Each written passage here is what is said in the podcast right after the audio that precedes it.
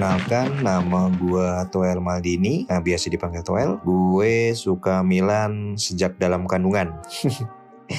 Terus gue pernah ngerasain 8 kali Scudetto mulai 91-92 sampai 2001-2002 saat ini. Terus Scudetto yang mana yang paling berkesan menurut gue adalah musim 98-99 karena di musim sebelumnya uh, Milan itu lagi hancur tuh di musim tersebut. Kemudian bangkit waktu itu di zamannya ada masih ada musim-musim terakhirnya Bierhoff, ya sama Boban tuh. Terus untuk Scudetto yang musim sekarang menurut gue puas sih cukup puas uh, karena setelah satu dekade terpuruk ya habis dibully.